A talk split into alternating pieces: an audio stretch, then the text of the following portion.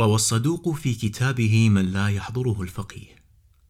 خطب أمير المؤمنين عليه السلام يوم الفطر فقال الحمد لله الذي خلق السماوات والأرض وجعل الظلمات والنور ثم الذين كفروا بربهم يعدلون لا نشرك بالله شيئا ولا نتخذ من دونه وليا والحمد لله الذي له ما في السماوات وما في الأرض وله الحمد في الدنيا والآخرة وهو الحكيم الخبير.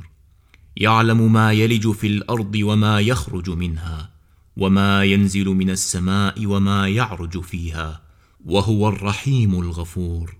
كذلك الله. لا إله إلا هو إليه المصير. والحمد لله الذي يمسك السماء أن تقع على الأرض إلا بإذنه. إن الله بالناس لرؤوف رحيم. اللهم ارحمنا برحمتك واعممنا بمغفرتك. إنك أنت العلي الكبير.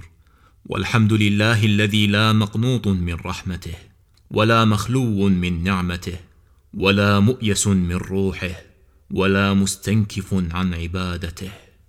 الذي بكلمته قامت السماوات السبع واستقرت الأرض المهاد وثبتت الجبال الرواسي وجرت الرياح اللواقح وسار في جو السماء السحاب وقامت على حدودها البحار وهو إله لها وقاهر يذل له المتعززون ويتضاءل له المتكبرون ويدين له طوعا وكرها العالمون.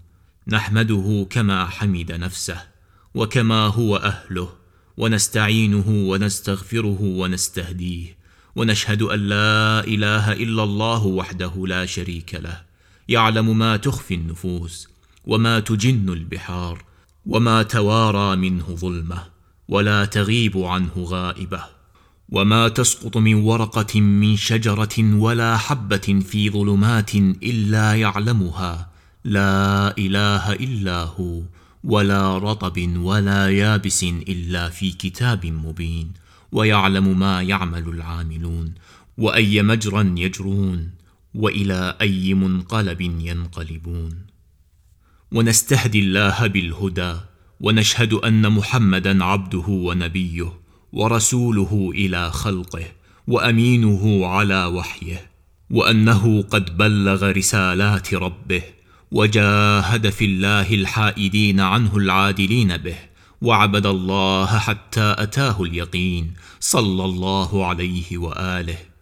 أوصيكم عباد الله بتقوى الله الذي لا تبرح منه نعمة ولا تنفد منه رحمة ولا يستغني العباد عنه ولا يجزي أنعمه الأعمال الذي رغب في التقوى وزهد في الدنيا وحذر المعاصي وتعزز بالبقاء وذلل خلقه بالموت والفناء.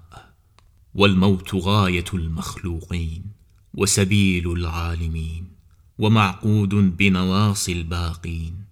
لا يعجزه إباق الهاربين وعند حلوله يأسر أهل الهوى.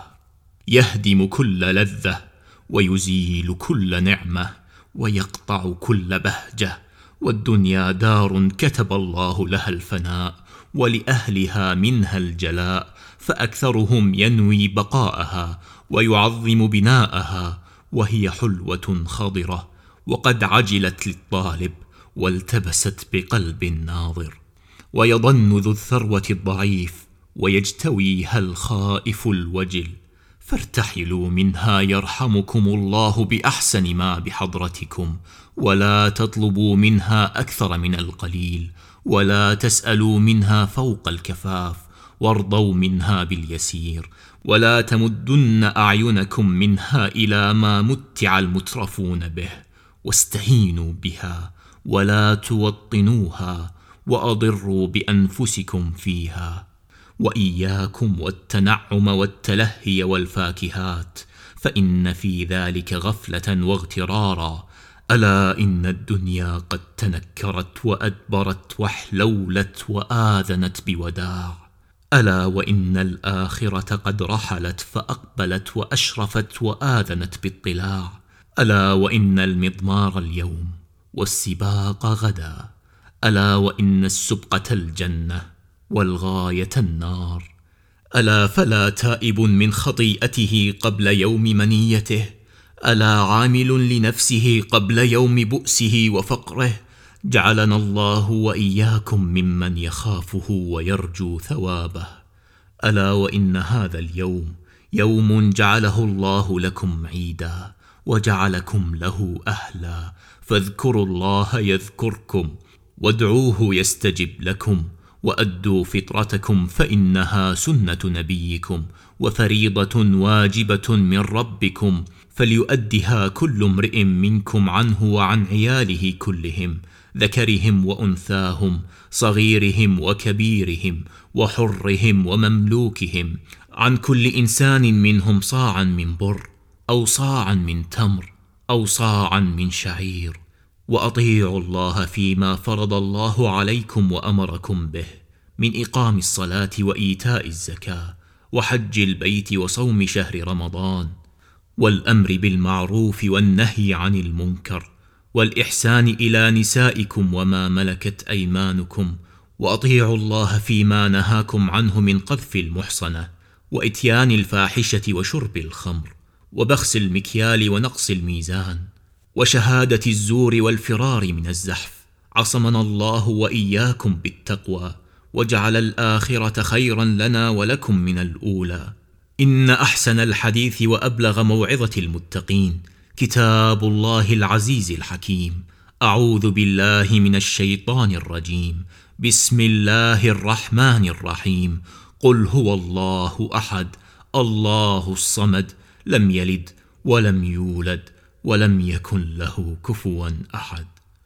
ثم يجلس جلسة كجلسة العجلان ثم يقوم بالخطبة التي كتبناها في آخر خطبة يوم الجمعة بعد جلوسه وقيامه.